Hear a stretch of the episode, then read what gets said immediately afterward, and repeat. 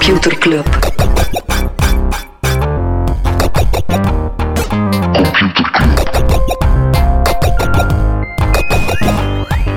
Club. Computer Club. Hey Smolly, Hey Freddy, welkom, welkom terug. welkom. Welkom bij Computer Club, een wekelijkse podcast over technologie. Iedere aflevering selecteren Freddy en ik een interessant artikel en presenteren een feitje. Ja, Eén keer om de zes afleveringen kijken we ook zo spannend in elkaar zo van gaan we dat doen? Ja, Natuurlijk gaan we dat doen. absoluut. Freddy, ik moet mij nog niet excuseren, ik moet gewoon iets verduidelijken. Vorige week hadden we het over The Lord of the Rings en de acteur die daarin zou spelen, of een van de hoofdrollen zou spelen. Fred stuurde mij op Twitter, die snapte ook niet goed, er was hier even verwarring van Edward Stark. Wie is dat precies en is dat dezelfde acteur die in The Lord of the Rings speelde? Wel, de acteur die in The Lord of the Rings film speelde, die speelde Edward Stark, maar in een flashback tijdens de reeks. Dus het gaat niet over Sean Bean, maar over Robert Aramayo. Ah. Die heeft één of twee afleveringen in Game of Thrones gespeeld. En die Ja, ja de, de jonge Ned Stark, ja, die en inderdaad dan de, de hoofdrol spelen in die Lord of the Rings. Want ik dacht, anders is het gewoon te zot dat. Sean Bean weer in Lord of the Rings zou spelen Nee. en ook weer zou sterven. Ja, nee, nee, het is, het is, een, het is die jonge gast. Oké, Er was even verwarring dus, ook met Fred. Maar toen klikte het bij mij waar dat de fout zat. Of niet fout, maar de verwarring. oké. Gaan we over naar het... eh hey, Non-nieuws? bedankt voor de is belangrijk, belangrijk, belangrijk dat we hier uh, waarheidsgetrouw blijven. Yes. Over naar het non-nieuws? Ja. Misschien eh, om in thema te blijven, krijg ik een, een streaming jingle. Ik hoop dat ik nu de juiste ga gaan klikken. Streaming. Hopla, tweede week op rij dat we deze ja, toch wel zwoele jingle kunnen gebruiken. Eh, en zwoel, ja, past wel. Eh, Scarlett Johansson, die is boos op Disney. Is zelf een rechtszaak begonnen tegen Disney. Waarover gaat dat? Ja, de actrice, onder andere bekend uit Black Widow, of in dit geval eh, eh, belangrijk, eh, actrice, de ster uit Black Widow, eh, Marvel-film, die, ja, die klaagt dat ze een deel van haar loon hangt af van het succes van die film in de box office. Dus eh, hoeveel ticketjes dat dat Mhm. verkoopt dan in de cinema. Maar die film is ook meteen op streaming uitgekomen. Dus ja, de, de entourage van Scarlett zegt dat dat niet fair is, want dat betekent dat een deel van haar loon, dat ze geen ja, faire kans krijgt om dat loon te krijgen. Ik vind het zot dat zij geen deal heeft waarin dat ze een stukje van die winst van Disney Plus ook binnenkrijgt. Ja, maar daarover las ik dat het, het is moeilijk, want wat moet je doen? Je kan, je kan ze zeggen, je betaalt ze op voorhand de vaste prijs, maar dan krijgen ze geen upside van, van Mhm. succes. Maar het probleem is dat het, het succes van die film voor Disney is moeilijker te kwantificeren. Dat gaat meer over retentie op dat platform, acquisities. Nee, dus het is heel is, moeilijk om te... te koop hè, op Disney Plus. Ik kan hem nog niet gratis bekijken op Disney Plus. Je moet hem letterlijk aankopen op dit moment. Ah, oké. Ah, in dat geval zou je inderdaad wel ook Ja. een stuk daarvan kunnen Mhm. hebben. Maar then again, het draagt ook bij aan de waarde van Disney+. Plus en dat is moeilijker Ja, om dan te valoriseren. Ja. Ja. voilà. Ik heb een... eh Oké, eens bijna iets anders. Discord die gaat threads introduceren. Zeer handig, want anders is dat zo'n warboel aan chats. Maar die gaan dus ook een beetje Slack-gewijs threads gaan introduceren. Ik had het eh, onlangs getweet. Het, ver- het verrast mij dat er niet meer chat-apps zijn die dat eh, toelaten, threads. Ja. Zeker voor zo'n groepsconversaties zou dat fantastisch zijn, want ja, je kent dat wel, hè. dan zijn er twee, drie maten die even... Mhm. Of zoals dat we met vrienden in de show hebben, dan, dan Ja. discussiëren we in onze, in onze Signal-groep. Ja, er is dus inderdaad, voor de mensen die niet mee zijn, als je ons sponsort via Vriend van de Show, is er een signalgroep voor die vrienden. Dus die zou gewoon ja, ergens Ja. begonnen zijn. Dat is heel plezant. Maar ja, stel dat er dan een discussie plaatsvindt Mhm. over cybersecurity, en dat is nu net een topic dat je wat minder volgt, ja, Ja. dan is die groep even de hele avond Daarover bezig. overgenomen daarover. Ja, nee, threads, cool. Freddy, moest jij nog een jingle van mij hebben? Ja, misschien een regulator. Regulation. Mount up. Eh, nee, al- het Amazon-aandeel krijgt, eh, ay, krijgt slash kreeg stevige klappen. Eh, 8% verloren. Eh, voor een stukje omdat ze een, eh, alweer een monsterboete gekregen hebben. Eh, 746 miljoen voor een GDPR-inbreuk. Eh, dat is uitgevaard in Luxemburg, waar, eh, waar Amazon zit. Maar het ligt niet enkel aan die boete. Ook de omzet bleef een stukje onder de verwachting. De vooruitzichten zijn ook iets minder optimistisch. Ja, betekent, ja, de lockdown-boom, die zit er zo stilaan op. Dus komt er een stukje een, eh, Ja. een correctie. Ehm, onder verwachting zoals niet eh, het, eh, de omzet van Apple. Die hebben een recordkwartaal geboekt met een eh, verkoopstijging van 36%. Zot. Dus ja, eigenlijk alle hoor. Facebook, Microsoft gingen overal goed, maar tegelijkertijd merkte je bij investeerders Dan... Niet overal goed. Hè. Pinterest bijvoorbeeld heeft ook zware klappen gekregen. Omdat er nu, in vergelijking met exact een jaar geleden, minder mensen het gebruiken. Maar Ja, voilà. Ja, wel, maar dus, ja, oké, maar, maar zelf diegene waar dat het effectief goed ging, Mhm. daar was het aandeel toch niet echt, of de beurs was niet echt eh, optimistisch, gewoon omdat het er wel naar uitziet dat die grote jump Ja. eh, stilaan achter ons. Instagram gaat dat weer accounts van minderjarige gebruikers voortaan standaard privé zetten. Dus ja, je kan een Instagram-account aanmaken als je ouder bent dan 13, maar als je jonger bent dan 18 ben je altijd minderjarig. Dus ze gaan dat standaard privé zetten. Ze gaan er ook voor zorgen dat mensen die al geblokkeerd zijn door andere tieners minder makkelijk contact kunnen leggen met andere tieners. Want dat dan vaak ja, volwassene mensen zijn die ongevraagd berichten zitten sturen. Dus dan gaat dat moeilijker worden voor dat soort charles. Lijkt positief nieuws. Super, ja, absoluut. Ehm, in onze nieuwsbrief, nieuwsbrief.computerclub.online, pakken we ook altijd een thema. We hadden het een aantal weken geleden over Apple Pay Later. Een nieuwe dienst van Apple, of een uitbreiding van Apple Pay, waarbij dat ze ja, zo'n beetje kopen en schrijven eh, mogelijk zouden gaan maken na het succes van onder andere Affirm en Klarna in Europa. Wel, Square, paymentbedrijf van, eh, van Jack Dorsey, die kopen nu Afterpay voor 29 miljard. Afterpay, ook zo'n gigant eh, uit Australië in ja, dat soort eh, kopen op afbetaling. Dus ja, het toont wel dat dat het, het, het hippe financiële product van het moment is. Hè. Ja, hier in België kennen we dat niet zo, het betalen en schrijven. Allee, we kennen het wel, maar het wordt minder gedaan dan in andere landen. Ja, dus het is niet helemaal kopen op krediet. Het is niet dat je, dat je inderdaad gewoon, eh, ja, zoals een creditcard, dat je iets kan kopen. En eh, het komt erop neer dat je wel ja, tot een bepaald bedrag kan je het quasi renteloos ja, gewoon in vier keer afbetalen, Mhm. bijvoorbeeld. Ja, het komt wel tegemoet aan, de, aan veel mensen hun e-commerce eh, spendinggedrag, denk ik dan. Ja, het zijn mij weinig, maar het is wat. Over spendinggedrag gesproken, Sony, die hebben nu eh, verkoopcijfers bekoop, eh, bekendgemaakt van de PlayStation 5. En dat zijn er intussen al meer dan 10 miljoen, wat het de snelste PlayStation-verkoop ooit maakt. Het is echt zo vraag en aanbod. Net doordat er zo weinig aanbod is, is er nog meer vraag. Ja, maar dat is inderdaad opmerkelijk gezien het feit dat er ja, nog Dat altijd al 10 miljoen shortages bestaan. Ja. zijn. Ja, dus dat er al 10 miljoen gemaakt zijn, is zot. Eh, Xbox, die hebben nog geen cijfers bekendgemaakt, maar die hebben er wellicht maar 6,5 miljoen. Dus het ziet er naar uit dat de Mhm. console war eh, een, een dubbeltje zal zijn van de vorige generatie. Eh, maar dat zijn nog geen officiële cijfers van Xbox. Van Sony. Freddy, voor de dingen die we nu niet meer gaan bespreken, waar kunnen we die bundelen? Nieuwsbrief.computerclub.online. Voilà. En ik beloof dat ik er geen Rickroll ga insteken. Er is nog een klein nieuwsfeitje. Eh, Never Gonna Give You Up van Rick Astley. Ja, heeft intussen 1 miljard views bereikt. Eh, en dat is volledig te, eh, behalve het feit dat dat een, topnummer is. een topnummer is, volledig te danken aan ja, de joke Rickrolling, waarbij Ja. dat je mensen eh, via een excuus op die video laat landen.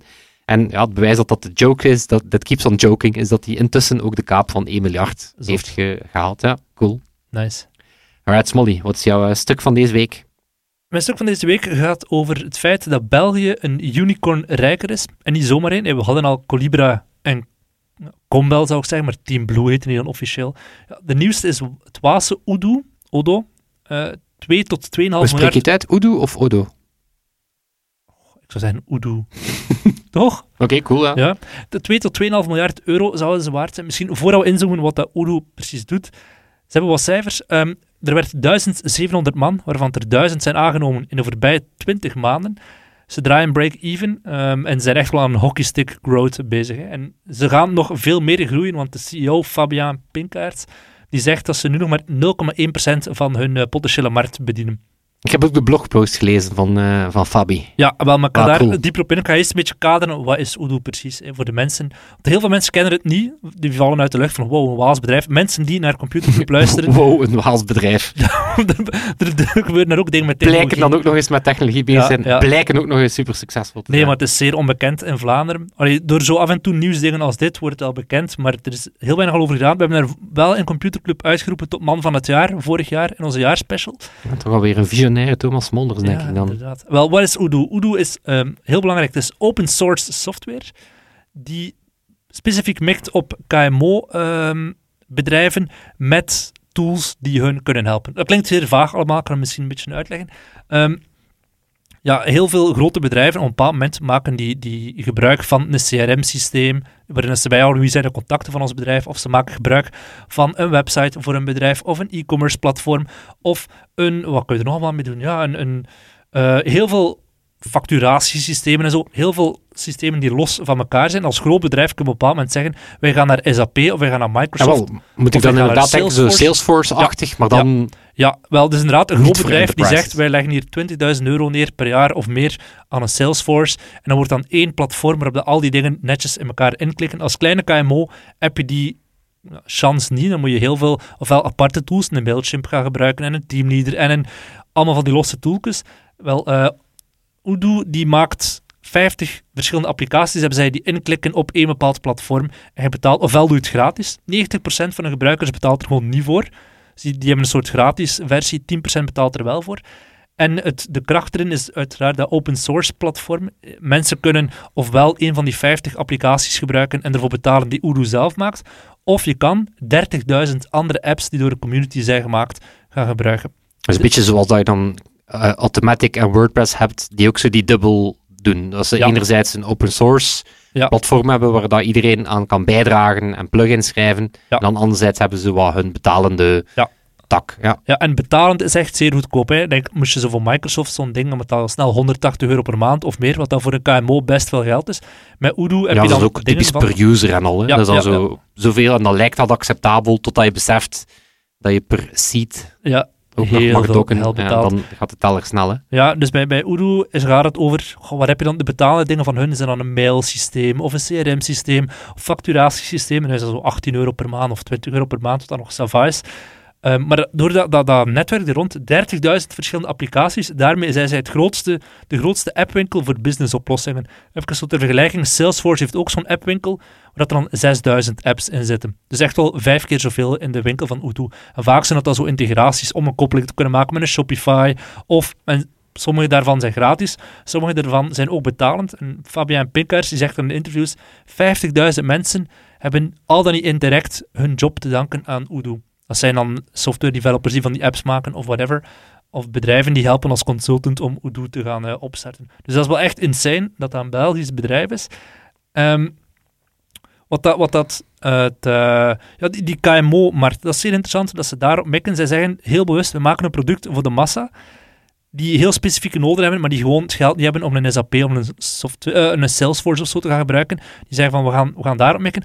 Wat ik wel snap enerzijds, maar anderzijds, als je zo Odoo gebruikt, of wat dat dan vaak zo de, de commentaar erop is, is ze willen zodanig veel doen, dat ze zo nergens echt zeer goed in uitblinken. En een KMO wil misschien net wel een supergoeie mailprovider en gaat dan 10 euro aan Mailchimp betalen en een supergoed CRM-systeem en gaat dan aan Teamleader wat geld betalen, in plaats van een Odoo die, die heel veel van alles doet, maar misschien nergens echt goed gaan in uitblinken. Ik vind als ik de software gebruik, maar dat dan misschien zo weer, ik ben dan heel kritisch daarin, vind ik het vaak nog een beetje te brak aanvoelen om er echt, het kost misschien wel weinig, maar het is misschien ook net niet goed genoeg wat dat ik zoek. Ja, maar in principe kan je het wel uitbreiden met gespecialiseerde tools. In principe kan je dan inderdaad zeggen Ja. van oké, het moment dat ik wel iets serieuzer wil gaan in mijn Mhm. CRM, Ja. dan pak ik inderdaad een, een HubSpot. Of, En het feit dat eh, het allemaal geïntegreerd is, hé, als ik één eens doe in mijn facturatiesysteem, heeft dat vanzelf impact op de mailprovider. En dat dat zo een mooi geïntegreerd geheel is, is al beter dan zo wat bric-à-brac de beste tools gaan samen doen. Het bedrijf is ontstaan in 2005, toen die Fabien student was in Louvain-la-Neuve. En toen heette het nog Tiny ERP. En eh, dat hebben ze later veranderd naar Veelzeggende titel. Tiny ERP. Ja, inderdaad, een, een klein ERP'tje. Maar ze zeggen van ja, als je daarmee naar investeert, of als je daarmee naar een groot Amerikaans bedrijf gaat gaan, en die zeggen we hebben de keuze tussen SAP of Tiny, Tiny ERP. ERP. Ja, kom, dan hebben ze het veranderd vandaan naar Open ERP om toch iets serieuzer genomen te worden. Heel cool was dat in het begin zeer van ja, als niche-speler, als beginner, moet je eigenlijk de grootste, de bully op de speelplaats gaan opzoeken en die gaan uitdagen om jezelf zo wat in de picture te werken. Er was op dat moment SAP en heeft toen onder andere de URL gekocht, www.sorrysap.com. Voor moesten ze ooit groter worden dan SAP om te kunnen eh, een soort apology te gaan. Wel geen gebrek aan, eh, aan ambitie Nee, bij nee, nee, nee. Wel, maar eh, hij, heeft, hij, heeft, is echt wel keihard ge- gefocust op groei. En dan zie je ook, hij is op LinkedIn zeer open in hoeveel omzet dat ze draaien. En dan zie je dat echt wel op een bepaald moment op een paar jaar tijd met 1000% gegroeid is.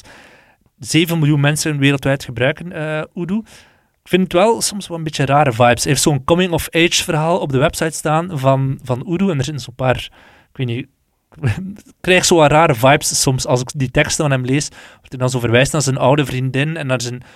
Dus een beetje een weirde kerel, als ik het zo allemaal lees. Maar het eh, heeft ook zo heel specifiek... Je, zei het zelf op LinkedIn, ik heb zijn blogpost gelezen.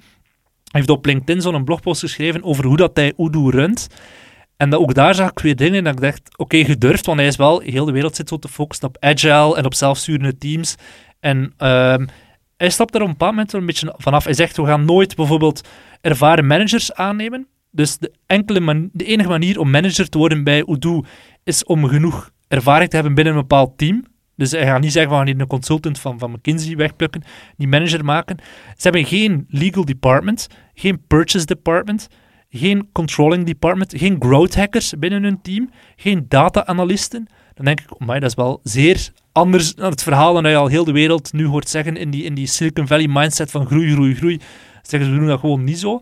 Ehm, departementen hebben geen budgetten. Er is gewoon één globaal budget dat één keer per jaar door de CFO wordt bepaald. Dus, en alleen de board weet wat dat, exacte budget is.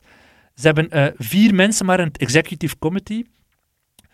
Ze gaan eh, de average, hoe noem je dat, average salaries, de, de lonen, gemiddelde lonen per team worden online gepubliceerd. Dat zijn zo allemaal dingen die niet echt gedaan worden in de techwereld, maar dan, dan bij hem dan weer wel wordt gedaan. Um, we recruit so fast that 50% of our employees have less than one year in the company. Dus dat toont wel aan hoe snel dat ze aan het groeien zijn. Van iedere twee mensen dat ze effectief aannemen, moeten ze 100 mensen daarvoor, ja, 100 kandidaten om te eindigen met twee. En iedereen die begint bij Odoo krijgt meteen 10.000 euro bonus. Omdat het zodanig moeilijk is, zegt hij, om goed personeel te vinden. Zit hij echt met- Vandaar dus de kapitaalsinjectie. Ja, Nee, nee. Maar ik vind, ik vind het interessant, want het zijn zo dingen dat... Pas op, ergens...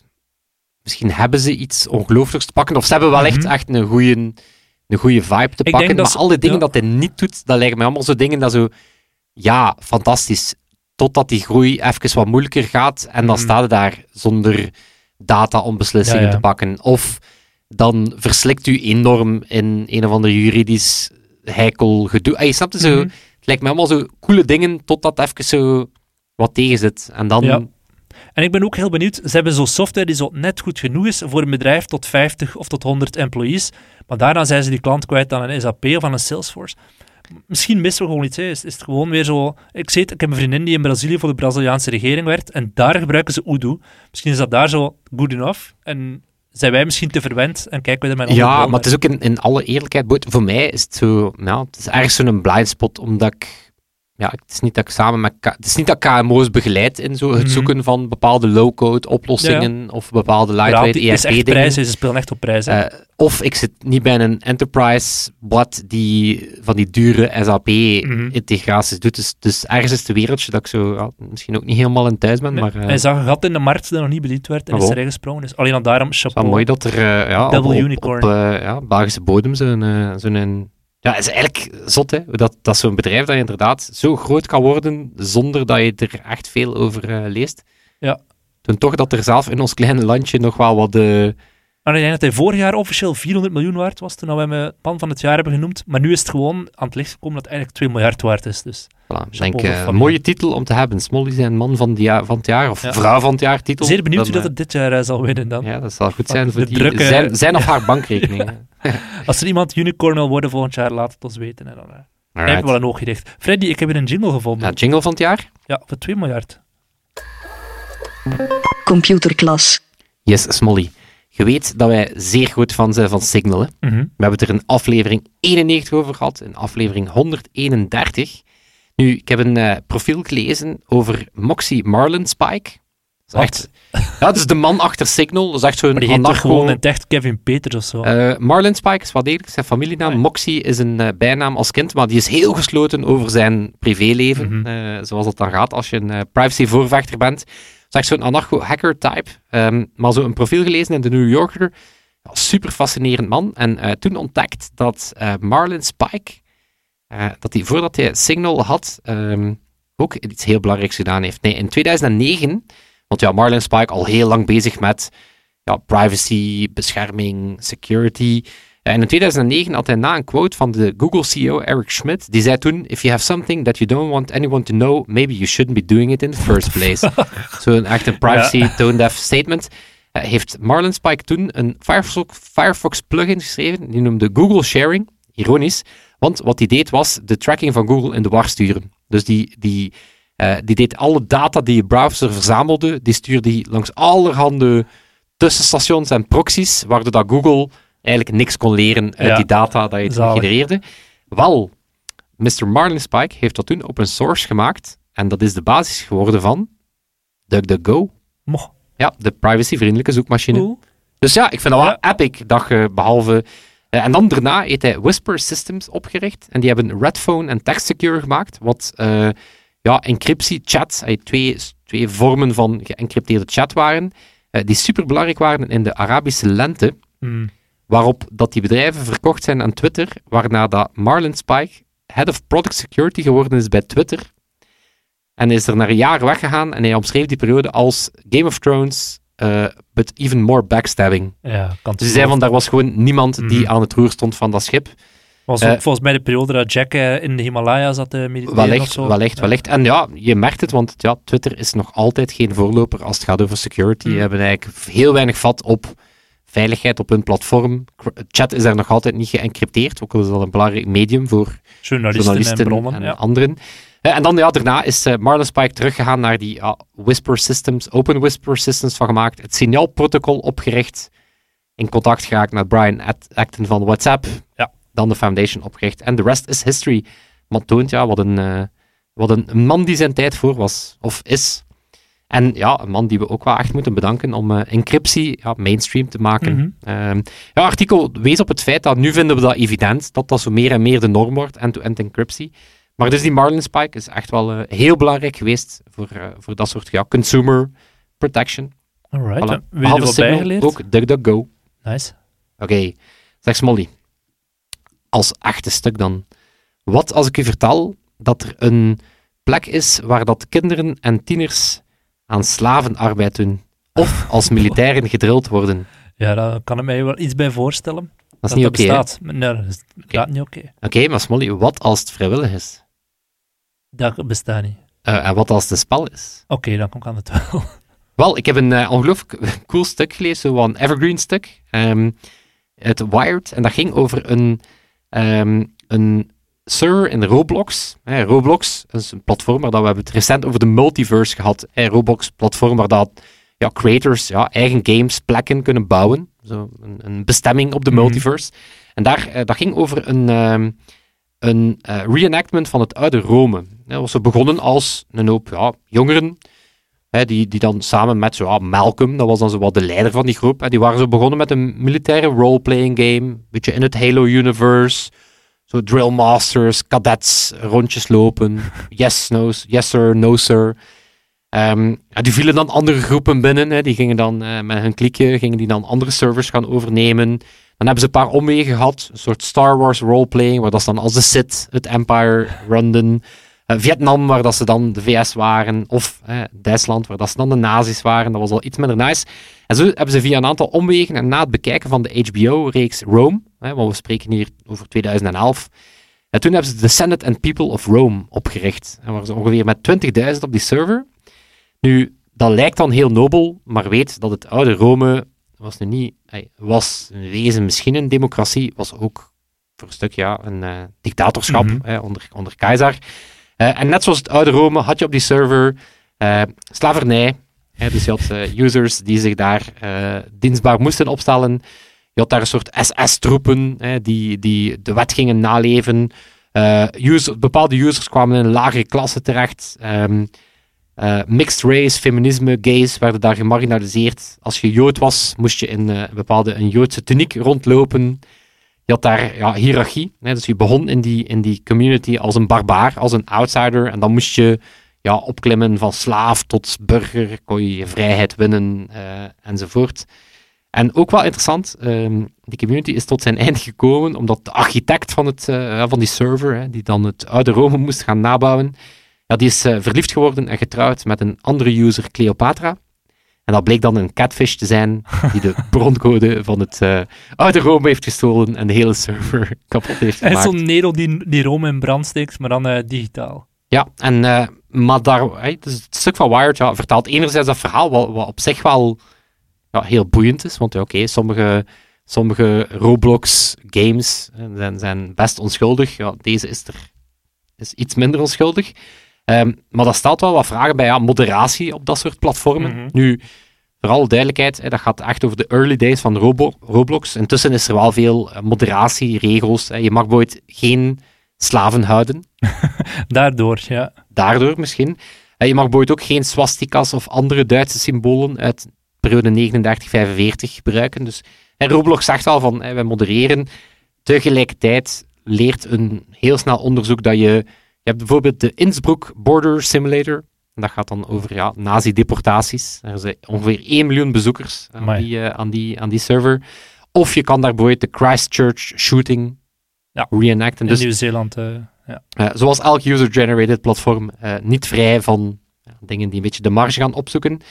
Ehm, maar het stuk gaat dan ook in op, ja, wat moeten we daarvan vinden, van dat soort Reenactment. eh, reenactment? Eh, of breder, is dat niet gevaarlijk? Heb je niet ja, een soort radicaliseringsrisico? En boy, die, die leider Malcolm, ja, die zegt eh, in het begin, eh, die, die persoon die getuigt van ja, ik zat op die server, ja, in het begin zegt hij oké, in, in het begin leek die, die Malcolm leek gewoon iemand die zo ja, wat contrair wou doen. Ehm, maar later was duidelijk dat dat wel echt een fascist was. Nu, die Malcolm zegt half van, hey, zoals fascisten dan typisch doen, het was maar voor te trollen. Ze. Mhm. Weet je, ik ben gewoon een history geek.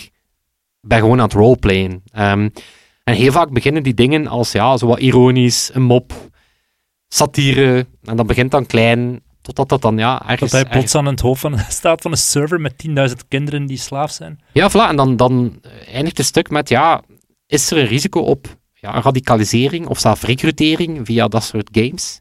Het is een moeilijk topic. Radicaliseren mensen door games?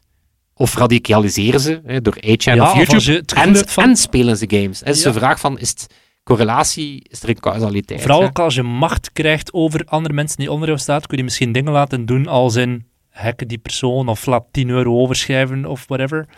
Ja, en, en het, is, het is daarom dat er, dat er eh, want het, het kwam een heel stuk van, van ja, de academische wereld of de onderzoekswereld, ja, zien die effectief dat probleem? En ergens zei er iemand van, ja, je moet het niet zozeer zien als echt recruitment, van het is niet zozeer dat alt-right daar Mhm. per se echt op zit om professioneel campagnes te voeren, alhoewel dat er op Roblox een group recruiting plaza is, waar je dan allemaal van die toffe groepen met Confederate flags of de Border Patrol agents hebt, die dan ja, de Border Patrol agents, dan, dan speel je Ame- Amerikaanse grenswachter aan de Mexicaanse grens, want ja, dat is tof. Eh, dus soms is dat wel wat recruitment, maar het, het, meestal is dat zo wat grooming. Weet je, gewoon iemand geleidelijk aan, Ja, ja, ge- geleidelijk aan wat brainwashen door die... eh, en dan bijvoorbeeld wel het, het weinige onderzoek die er is, want dat is eigenlijk de consensus, er is niet heel veel zicht op... Er is weinig data die het aantoont dat er een grootschalig radicaliseringsprobleem is, maar er is heel weinig data te koer.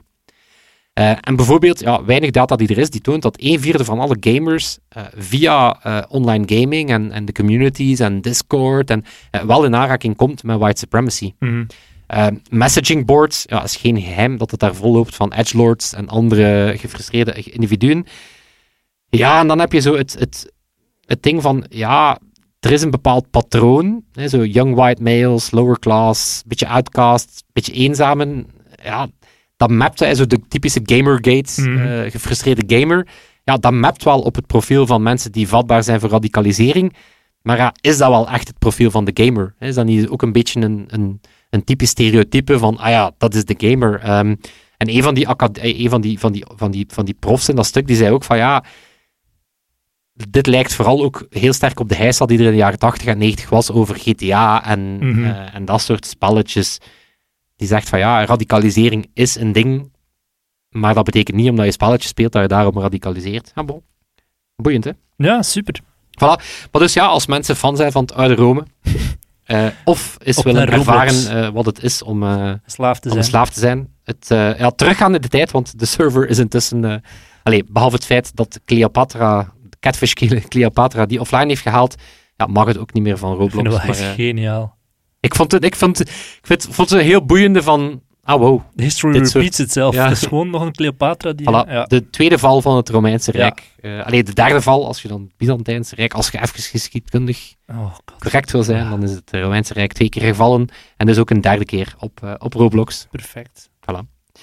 Gelukkig zijn wij nog niet gevallen. En dat komt dankzij twee mannen, Freddy. Ja, dat komt er dankzij Toon de Pauw, Sebastiaan van den Branden. Sebastiaan die deze week de edit doet. Toon, Sebastiaan die ons elke week slaafs, nee, slaafs is niet. Het is, het is vol een bak met We inspraak. zouden een piramide voor ze kunnen bouwen. We moeten misschien wel een Ja. piramide voor hem bouwen. ook voor onze vrienden van de show, of die bouwen misschien mee, of die helpen ons meebouwen aan die piramide. En natuurlijk alle schouders in de computerclub. Facebookgroep. Voilà. En dat zal het zijn. Tot volgende week. Yo. Computer Club.